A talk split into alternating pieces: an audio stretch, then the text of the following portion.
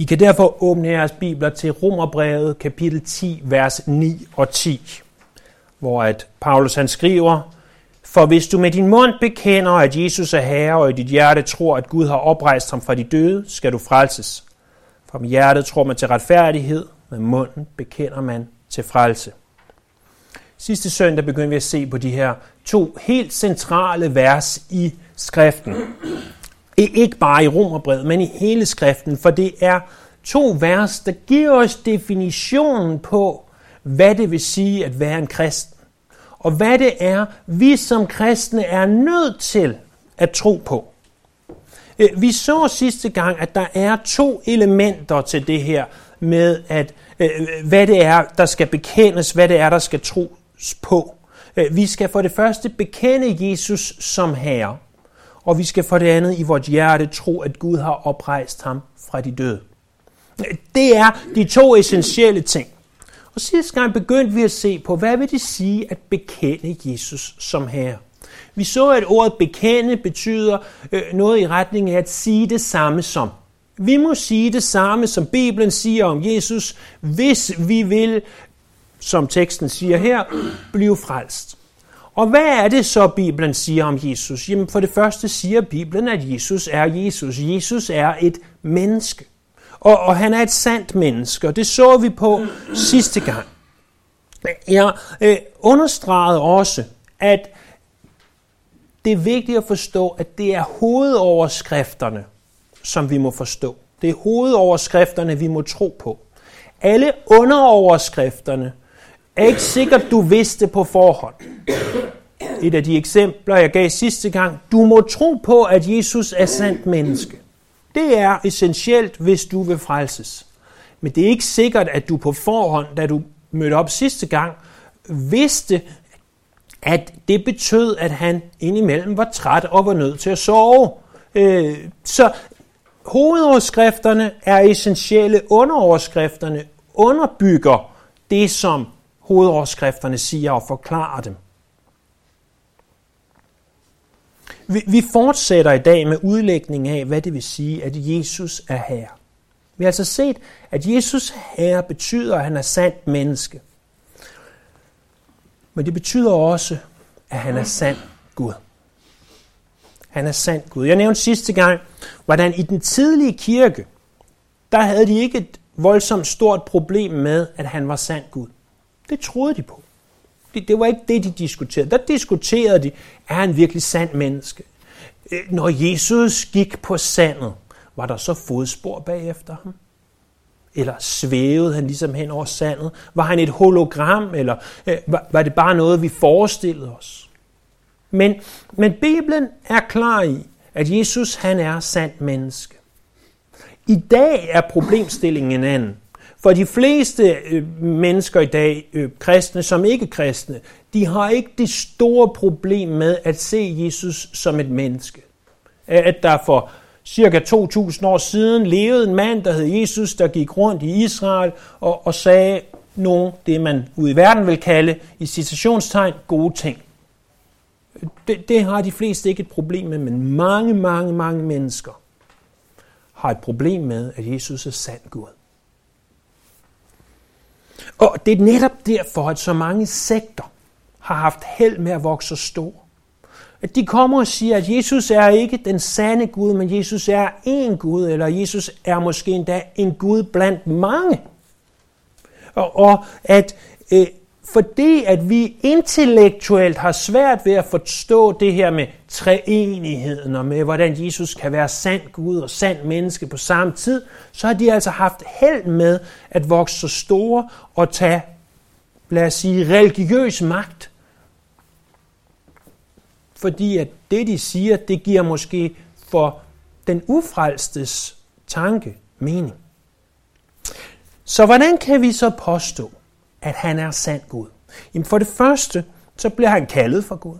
I skriften, der er som minimum syv nytestamentlige vers, der kalder ham for Gud. I Johannes kapitel 1, vers 1. I begyndelsen var ordet, og ordet var hos Gud, og ordet var Gud. Og det ord, ordet, er Jesus selv. Det ser vi tydeligt ned i i vers 14 og resten af, af det her meget, meget episke afsnit af Johannes kapitel 1. Så ordet var hos Gud, og ordet, altså Jesus, var Gud. I samme kapitel, vers 18. Ingen har nogensinde set Gud, den enborgne, som selv er Gud, og som er i faderens favn. Han er blevet hans tolk, eller som der står i andre oversættelser, han har forklaret ham. Så i Johannes kapitel 20, vers 28, der er det Thomas, tvivleren. Han siger, ja, jeg ved ikke rigtigt, om det er sandt, at Jesus er opstået for de døde, medmindre jeg får lov til at stikke min finger igennem navlemærkerne, så ved jeg ikke, om jeg tror på det. Og da han så møder Jesus og ser ham, så udbryder han min Herre og min Gud. Johannes 20, 28. I Romerbrevet kapitel 9, vers 5, de, altså jøderne, har fædrene, og for dem er Kristus kommet som menneske. Han, som er over alt og alle, Gud, vær lovet til evig tid. Amen. Han er Gud, han er over alt og alle, han vær lovet til evig tid. I Titus kapitel 2, vers 13, mens vi venter på, vores salige håb skal opfyldes, og vores store Gud og frelser, Jesus Kristus, komme til syne i herlighed. Hebræerbrevet kapitel 1, vers 8, men til sønnen, siger han, din trone, Gud. Det er sagt til sønnen det her, din trone, Gud. Står til evig tid, dit kongescepter er retfærdighedens scepter. Og slutligt i 2. Peter 1.1 fra Simon Peter, Jesu Kristi tjener og apostel, til dem, der ved vor Guds og frelsers Jesu Kristi retfærdighed har fået samme dyrebare tro som vi. Dertil kommer blandt andet et, et skriftsted fra Esajas kapitel 9, vers 5, eller i den engelske oversættelse, og i, i vers 6. Øh, et barn er født os, en søn er givet os, herredømmet skal ligge på hans skuldre. Man skal kalde ham for det første underfuld rådgiver, for det andet vældig Gud. For det tredje evighedsfader, eller evighedens fader. Han er evighedens oprinder, hvis det kan lade sig gøre. Og så er han fredsfyrste. Det er det, som man skal kalde det her barn. Det her er jo et af de helt store julevers, om du vil. Han er vældig Gud og evighedsfader. Så det nye testamente og det gamle testamente taler ganske klart om Jesus som Gud. For det andet, så går han under titlen Herre. Er, er det ikke netop det, vi har her? Hvis du med din mund bekender, at Jesus er Herre. Hvad betyder det egentlig? Hvad, betyder det? Det her ord Herre, det er et ganske, ganske væsentligt ord. Øh, det græske ord, der bruges i det nye testamente, det er ordet kurios. Øh, og kurios, det har en lang række af betydninger. Det kan betyde alt lige fra en herremand, en mester, en ejer, en arbejdsgiver til en herre, som er meget højt ophøjet. Det kan da betyde ægte mand. Det kan være bare en, en høflig titel, øh, min gode kurios, min gode herre. Øh, og, og så kan det, og som det oftest bliver brugt i det nye testamente, være en titel for Gud. Hvordan det siger du? Øh, jo, i den græske oversættelse af det gamle testamente, som blev foretaget en 200-300 år før øh, Jesus levede, der var øh, efter sine 70 mænd, der gik sammen om at oversætte Bibelen fra hebraisk til græsk. Græsk var på det tidspunkt begyndt at blive øh, verdenssproget. Så man sagde, at vi må have øh, en, en græske bibel. Og de her 70 mænd, de oversætter så Bibelen til græsk. Det græske ord for 70, det er Septuaginta, og, og derfor kaldes oversættelsen Septuaginta. Og hvis I læser teologibøger, så forkortes det på den her måde LXX, som er det romerske tal for 70. Det er meget forvirrende. Så de første 17 gange, man ser det, så tænker man, hvad går det ud på? Men i den her bibeloversættelse, der fremkommer ordet i det gamle testamente. Så der er vi altså oversat til græsk. Der fremkommer ordet kurios øh, 8.298 gange siger min bibelsoftware. De 6.000 af de gange, det er oversat sådan, plus minus, der er det en direkte oversættelse af det hebraiske navn, som bruges for Gud. Det, som vi typisk i dagens Danmark oversætter med Jave, det man i gamle dage oversat med Jehova, øh, og det som er, Øh, hvis du ved noget om det hebraiske sprog, fire hebraiske øh, konsonanter, hvor at vi ikke har de rette vokaler, øh, og, og derved har vi efter bedste evne, tror vi, at udtalen er noget i retning af Jave eller Java eller noget i, i den retning. Det oversættes 6.000 gange det navn. Guds navn som Kurios. I det nye testamente, der fremkommer Kurios 716 gange, og de 210 af dem, de er i Lukas' skrifter, altså Lukas evangeliet Apostlenes Gerninger, 275 gange i Paulus' 13 breve, og i Romerbrevet alene fremkommer Kurios 43 gange. Hvis nu, at du forestiller dig at tage en tidsmaskine og rejse 2000 år tilbage i tiden, og, og gå hen og sige til en jøde, Kære jøde, hvad forstår du, hvis jeg siger ordet kurios? Så mener du den almægtige Gud fra det gamle testamente, vil de sige. Det, det er der slet ingen tvivl om, at det er det, der vil være deres primære forståelse. Hvis du i en sammenhæng af noget, der har med Gud at gøre, så vil du sige kurios i stedet for, og det sagde de ikke, men hvis de havde haft sagt Yahweh, så øh, i stedet for det. Det er også derfor, at igen, nu taler vi jul, og det er måske en måned forsinket, men eller 11 måneder for tidligt, om du vil, det må I selv om. Øh, når englene kommer den julenat og, og siger til hyrderne, øh, i dag er født jeg en frelser, I skal gå ind i Bethlehem, i dag er født jeg en frelser, og I skal finde ham, og så videre. Og så siger de, han er Kristus Herren. De hyrder, hvad de hørte var ikke bare, han er Kristus Herren. Hvad de hørte var mere noget i retning af, i dag er der i Bethlehem født et barn. Og han er jeres frelser. Han er Messias. Ja, han er Gud selv. Tænk på, hvor voldsomt det har været. Tænk på, hvis engle stod frem og sagde til os, ham her er Gud selv godt forstå, at jøderne havde svært ved at tro. De får at vide, I må ikke have andre guder end mig. Skal tilbede Herren, Gud alene, I må ikke have andre guder end mig. Og så kommer en engel og siger, at den her lille hjælpeløse baby i Bethlehem, han er Gud selv. Så for det første, så læser vi altså, at Jesus, han er Gud. Det læser vi i øh, det nye testamente. For det andet ser vi, at titlen, der bruges om ham, også her i Romerbrevet kapitel 10, vers 9, han er kurios, han er herre. Hvilket betyder, når vi siger, hvis du med din mund bekender, at Jesus er herre, så betyder det blandt andet, og vi skal senere næste gang, eller hvornår det måtte blive, se, hvad det yderligere betyder. Men det betyder blandt andet, at du bekender, at Jesus er Vi ser en tredje måde, at Jesus han er Gud på. Det er ved udtrykket, som bruges øh, syv gange i Johannes evangeliet, hvor Jesus han øh, siger, jeg er, og så siger han for eksempel, jeg er livets brød, eller jeg er opstandelsen og livet, og, og, øh, og fem forskellige andre, døren og hyrden og så videre. Når han siger, jeg er, så er det en tydelig reference til noget andet gammeltestamentligt. Kan I se, det er derfor, det er så vigtigt, at vi læser vores gamle testamente.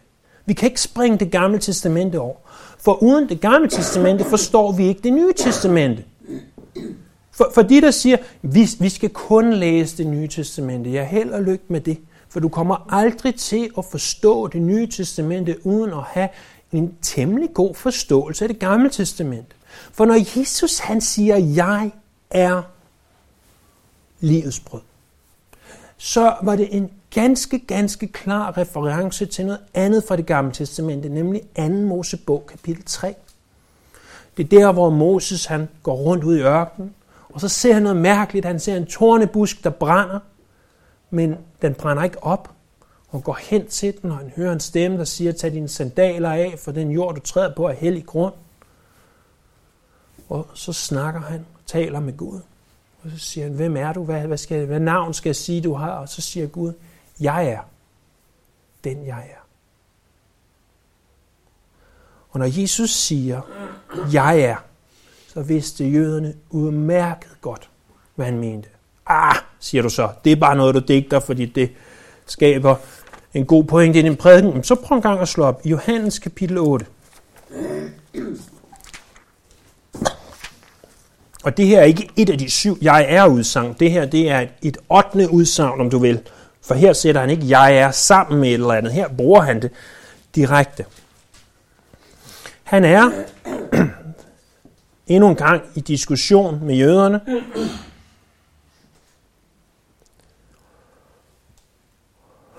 Og diskuterer med dem om Abraham. Så siger han i kapitel, Johannes kapitel 8, vers hvad skal vi sige, 54. Jesus svarede, hvis, du er, hvis jeg ærer mig selv, er min ære intet værd. Det er min fader, som ærer mig, ham, som I siger om, han er vores Gud. Og I har ikke kendt ham, men jeg kender ham. Og jeg siger, at jeg ikke kender ham, så bliver jeg en løgner ligesom I, men jeg kender ham. Og jeg holder fast ved hans ord. Abraham, jeres fader, jublede over at skulle se min dag, og han fik den at se og glæde sig. Da sagde jøderne til ham, du er endnu ikke 50 år, og du har set Abraham. Ha! Jesus sagde til dem, sandelig, sandelig siger jeg, jeg, siger jeg ja, jeg er før Abraham blev født. Jeg er før Abraham blev født. Sådan kan man da ikke tale, kan man? Ja, det kan man, hvis man er Jesus. Man siger, jeg er jeg er den almægtige Gud. Jeg var til, før Abraham blev født. Så siger du måske, forstod jøderne det kryptiske sprog? Mærkelig tegnsætning, eller hvad du vil. Men prøv lige at se i det sidste vers 59. Da tog de sten op for at kaste dem på ham. Men Jesus forsvandt og forlod tempelpladsen. Jøderne forstod udmærket, hvad det var, som Jesus sagde. Jesus sagde, jeg er, før Abraham blev til. Jeg er Gud. Jeg siger om mig selv, at jeg er Gud. Historie, tror jeg, har fortalt. En del gange gennem årene var, at i min gymnasietid, der øh, diskuterede en del med min religionslærer. Øhm, og øhm, da vi startede ud med at have buddhisme og hinduisme, vidste jeg ingenting. Så at sige, i hvert fald ikke ret meget, og hun gav mig standpunktskarakteren 6 eller 7, tror jeg, som dengang ikke var ret meget. Øh, det var så næsten dumpe, og så kom vi til kristendommen, og så kunne hun jo godt se, at hun var nødt til at give mig et 11-tal, fordi øh, der, der havde jeg altså en, en lidt, lidt større viden. Men en af de ting, hun sagde, det var, Jesus sagde aldrig, og der står ikke i Bibelen, at han er Gud. Hvor til man sige, at i Johannes evangeliet står der sådan og sådan og sådan. Til hvilket hendes svar var, ja, men vi kan ikke vide, om Johannes evangeliet er virkeligt. Nej, så kan vi komme ud om alle ting, hvis det er det, vi siger. Det er klart, hele vores grundsyn, vores grundforståelse af det her, er, at Bibelen er sand. Hvis vi ikke tror på, at Bibelen er sand, så er det her intet værd. Og så har vi ikke øh, noget som helst argument. Det er fuldstændig rigtigt. Men hvis vi tror det, og hvis det er vores grundsyn, så står der ganske klart i Bibelen, for det første, at Jesus er Gud i de her syv nytestamentlige skriftsteder. For det andet i navnet Kurios. Og for det tredje i det her, eller i de her jeg er udsagn. En, en anden interessant ting om de her jeg er udsagn, og nu er det ikke fordi, at det her skal blive en lang lektion i Septuaginta og i græsk og alt muligt andet, men det græske for jeg er, det er to ord. Ego, som betyder jeg, og så emi, E-I-M-I, som betyder jeg er. Øh, det er sådan på græsk, at der kan du tage et ord, og så kan du have øh, både øh, øh, subjektet og verbet i samme sætning, eller i samme ord simpelthen. Og, og ved at han gør det, siger jeg, og så jeg er, så siger han ikke, han kunne bare sige emi, jeg er, men han siger jeg, jeg er. Jeg, jeg er. Han lægger tryk på det. Han, han, han siger, det her, det er noget specielt. Det er en speciel måde at sige det på. Det er ikke fordi, det ikke bruges sådan andre steder, det gør det. Men, men stadigvæk så siger han, jeg, jeg er. Han, det er mig, der er. Nå, det var det tredje ting. Den sidste, øh, fjerde sidste ting om, at Jesus er Gud, det er alle mulige andre beviser. Øh, ganske kort, Jesus omtales som alfa og omega i åbenbaring 22.13. Øh, øh, Jesus omtales som ordet logos i Johannes kapitel 1, vers 1, som vi allerede har rørt ved. Noget, som grækerne vil have forstået som logos, det er det, der skabte verden og holdt det sammen. Øh, for det tredje så omtales han som menneskesønnen, som er en messiansk reference til Daniel kapitel 7. For det fjerde, øh, Jesus han gjorde almægtige gerninger. Brødfød 5.000 mænd, gå på vandet, stillende vandet, det er almægtige gerninger. Øh, og for det femte, han udviste alvidenhed i sit kendskab til Nathaniel for eksempel. Han siger til Nathaniel, jeg så dig sidde under træet, han vidste allerede, hvor han var. Og for det sjette, så tillader han tilbedelse af sig selv. For eksempel Filipperbrevet kapitel 2, Hebræerbrevet kapitel 1, vers 6 og åbenbaring kapitel 19, vers 10. Øh, som sagt, hvis vi er ærlige over for, hvad Bibelen siger, og tror på, at Bibelen er sand, så, så er der kun én konklusion. Jesus er Gud. Øh, når du bekender, at Jesus er Herre, hvis du med din mund bekender, at Jesus er Herre, så bekender du for det første, at han er menneske. Han er sandt menneske. Men du bekender for det andet også, at han er sand Gud. Han er den almægtige Gud. Hvis du med ordet herre mener mindre end det, så er det ikke en sand bekendelse. Og så er du ikke i sandhed frelst. Igen, lad mig understrege at hvis du ikke var klar over, at der var et udtryk på græsk, der hed ego emi, det ændrer intet for din frelse. Det er vigtigt og essentielt at forstå det her. Det ændrer intet. Det er godt at vide. Jeg mener, du bør vide nogle af de ting, jeg lige har sagt. Bestemt mener jeg det. Men det, der kan ændre noget for din frelse, det er, at du tror på, at Jesus er sand menneske og sand Gud. Kommer vi til det næste hovedpunkt. Og det er, at han er Gud og mand. Eller Gud og menneske. For, fordi vi har slået fast, at Jesus er en, et sandt menneske, og han er sand Gud. Og, og så tilbage står spørgsmålet, hvordan i alverden kan de to ting forenes? Prøv en gang at slå op i Matthæus kapitel 8. For hvis du siger, at det har jeg ikke behov for at spekulere over. Så er det fordi, du aldrig har spekuleret over Matthæus kapitel 8. Vers 23-27.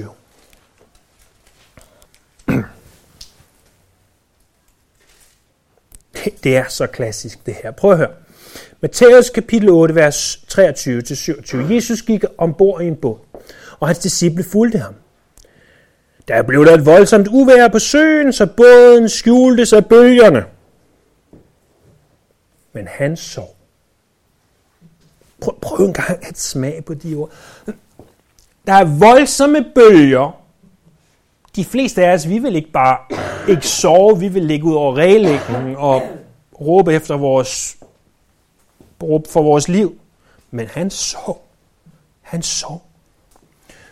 Ham, som vi har etableret nu, er den almægtige Gud. Han sov. Ham om hvem der står i salme 121, ham som aldrig sover eller slumrer, han sov. Så prøv at læse, lad os læse videre. Vers 25. Da de kom hen og vækkede ham og sagde, Herre, frels os, vi går under. Men han sagde til dem, hvorfor er I bange? I er lidetroende. Der rejste han sig Så kunne der have stået, han blev også bange. Og han kastede sig også ud over kanten, og han vidste ikke, hvad han skulle gøre, men det står der ikke. Der kunne der have stået, at han lagde sig ned og sov videre, fordi han var meget træt. Det står der heller ikke. Der står i stedet, der rejste han sig, og han troede af storm og sø, og det blev helt blik stille. Men folk undrede sig og sagde, hvem er han, siden både storm og sø adlyder ham. Kan I se kontrasten? At her har vi Jesus, der på den ene side ligger og sover. Trygt næsten som et lille barn. Og de kommer hen, og de må vække ham. Han vågner ikke af stormen, og de siger, vågn op, og han siger til dem, hvorfor tror I ikke, hvorfor tror I ikke, at jeg kan tage hånd om det her? Og så tror han af stormen. Jeg ved godt, at nogle mennesker, de tror, at de kan tro af en storm og tro af vand og alt muligt andet. Jeg har ikke selv tur at forsøge, øh, og har heller ikke tænkt mig at gøre det. Men det ved vi jo godt ikke nytter noget. Men når Jesus tror af stormen, så blev der ikke bare blikstille. Som jeg forestiller mig blikstille, så er det, så vandet ikke rører sig. Der blev helt blikstille. Kan I se, at på den ene side, så ser vi, at han er meget, meget menneskelig. Og men de fleste af os ikke vil ligge og sove under en storm, så er han stadig meget menneskelig i det, han sover.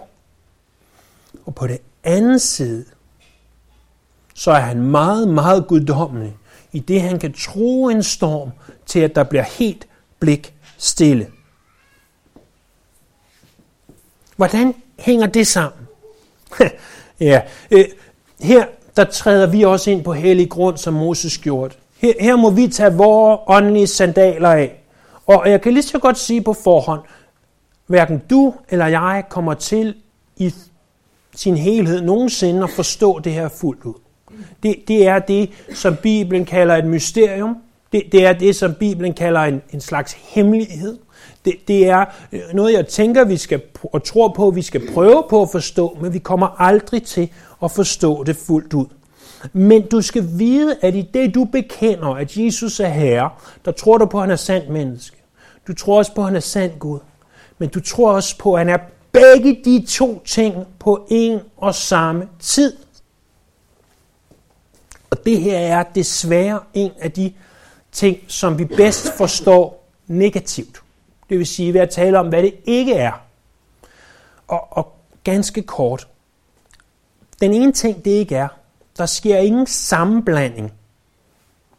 Jesus, han er på den ene side sand Gud, og på den anden side sand menneske. Og de to ting, de, på den ene side, der blandes de ikke.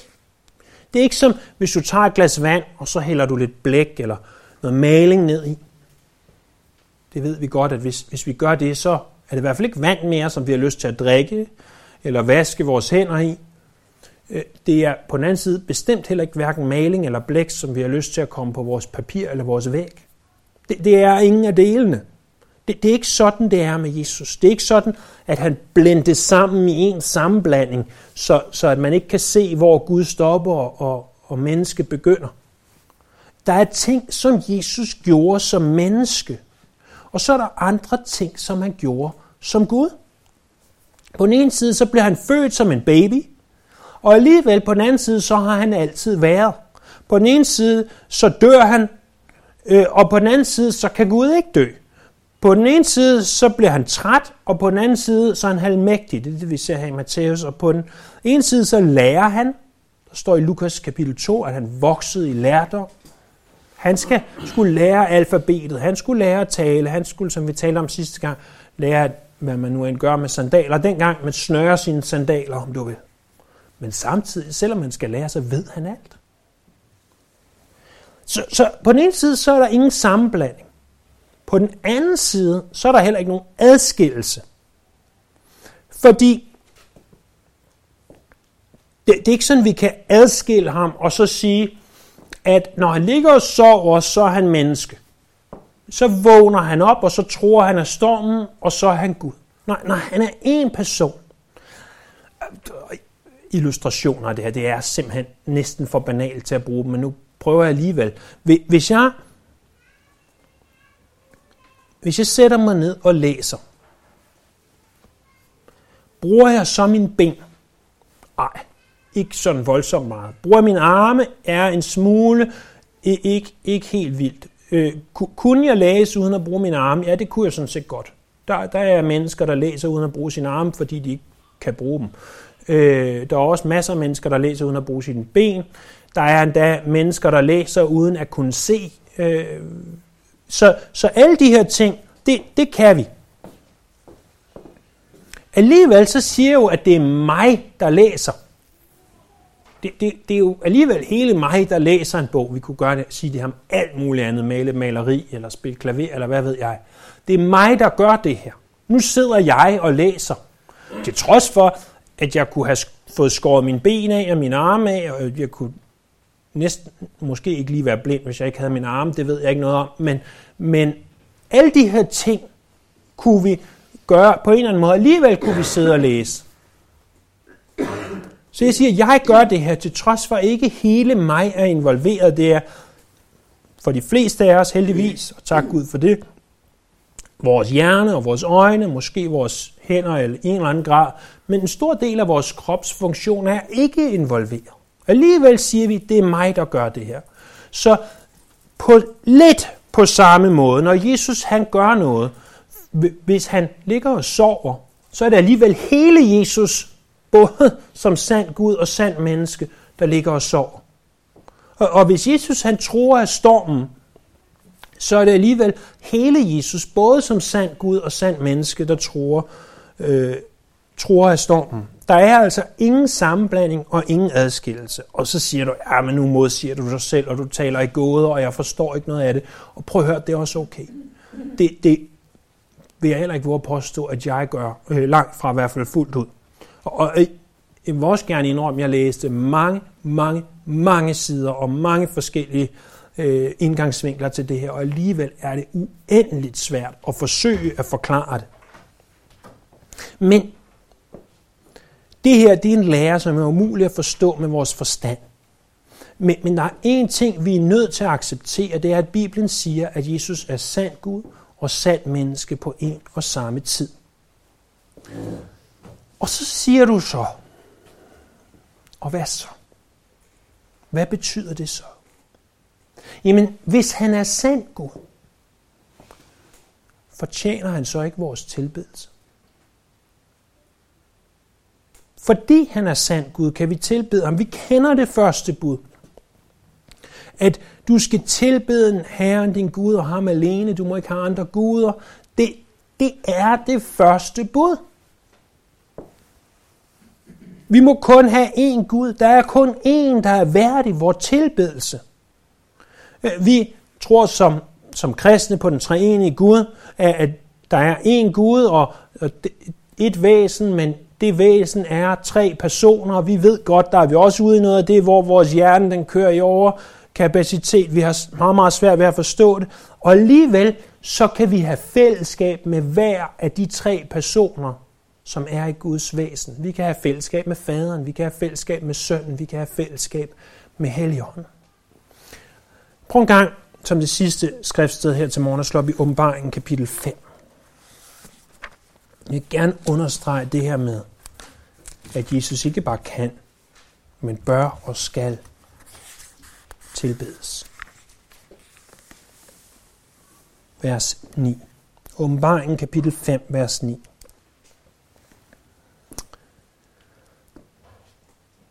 Her ser Johannes ind i himlen, ind i fremtiden. Han har set, at løven af Judas stamme, som er Jesus, han får bogen, og så står der her i vers 9, og de, det er de 24 helste, de sang en ny sang. Så synger de, du er værdig til at få bogen og bryde den sejl, for du blev slagtet, og du købte med dit blod mennesker til Gud af alle stammer og tungemål, folk og folkeslag, og gjorde dem til et kongeligt folk og til præster for vor Gud. Og de skal være konger på jorden.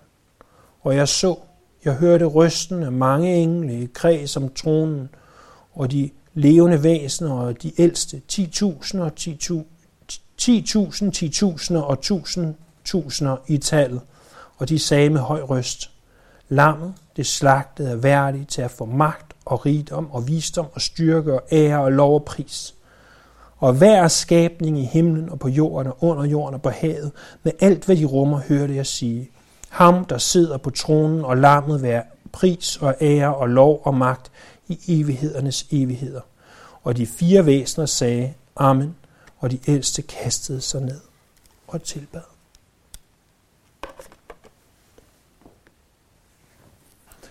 Du kan den her morgen kaste dig ned for din Gud og tilbede ham. Du kan den her morgen bøje dine knæ for Herren Jesus og tilbede ham.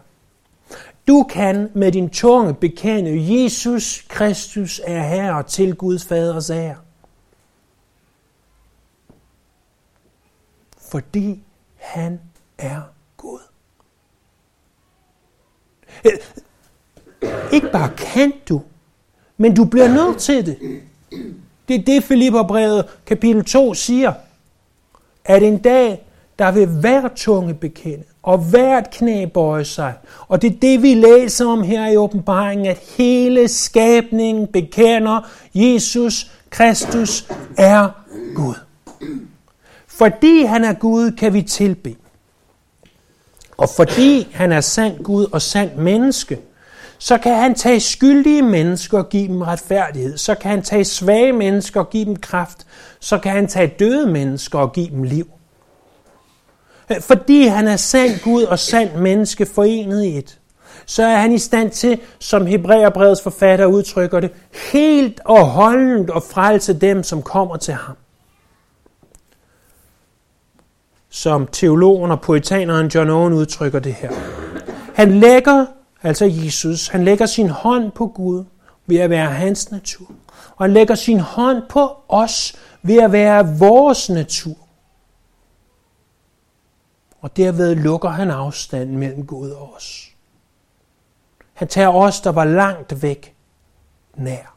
Se, se det for dig, vil du? Se det for dig, hvordan at Guds manden, om du vil, Jesus, han på den ene side lægger sin hånd om det guddommelige, om Guds væsen, og siger, det rører jeg. Og med den anden hånd, der rører jeg mennesker og så bringer jeg dem sammen. Således at mennesket, os, det dødelige, det fejlbarlige, kan have fællesskab med det evige, det ufejlbare.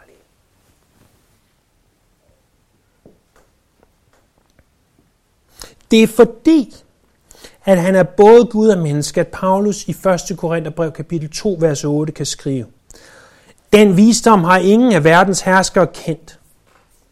Så siger han, for havde de kendt den, så havde de ikke korsfæstet. Lyt nu. Så havde de ikke korsfæstet herlighedens herre. Hvordan kan man korsfæste herlighedens herre? Det kan man, fordi han er på en og samme tid sand Gud, sand menneske. Hvilket paradoks at tage herlighedens herre og korsfeste ham. Men det er kun fordi, at herlighedens herre blev korsfæstet og døde i vores sted. I det, som vi kalder en stedfortrædende død. En død i stedet for os. At du og jeg, vi kan have liv. Det er ved troen på det.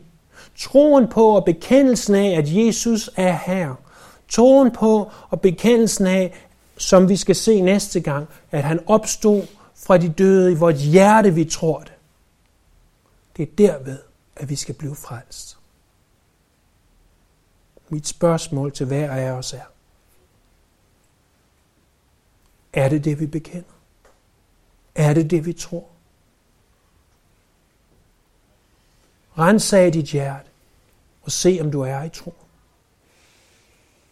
Har du bekendt, at Jesus er herre, har du i dit hjerte troet, at Gud har oprejst ham for de døde, så kan du, som vi har set igen og igen og igen i blandt andet Romerbrevets 8. kapitel, så kan du være sikker i din frelse. Han er sand Gud, og han er sand menneske. Lad os bede.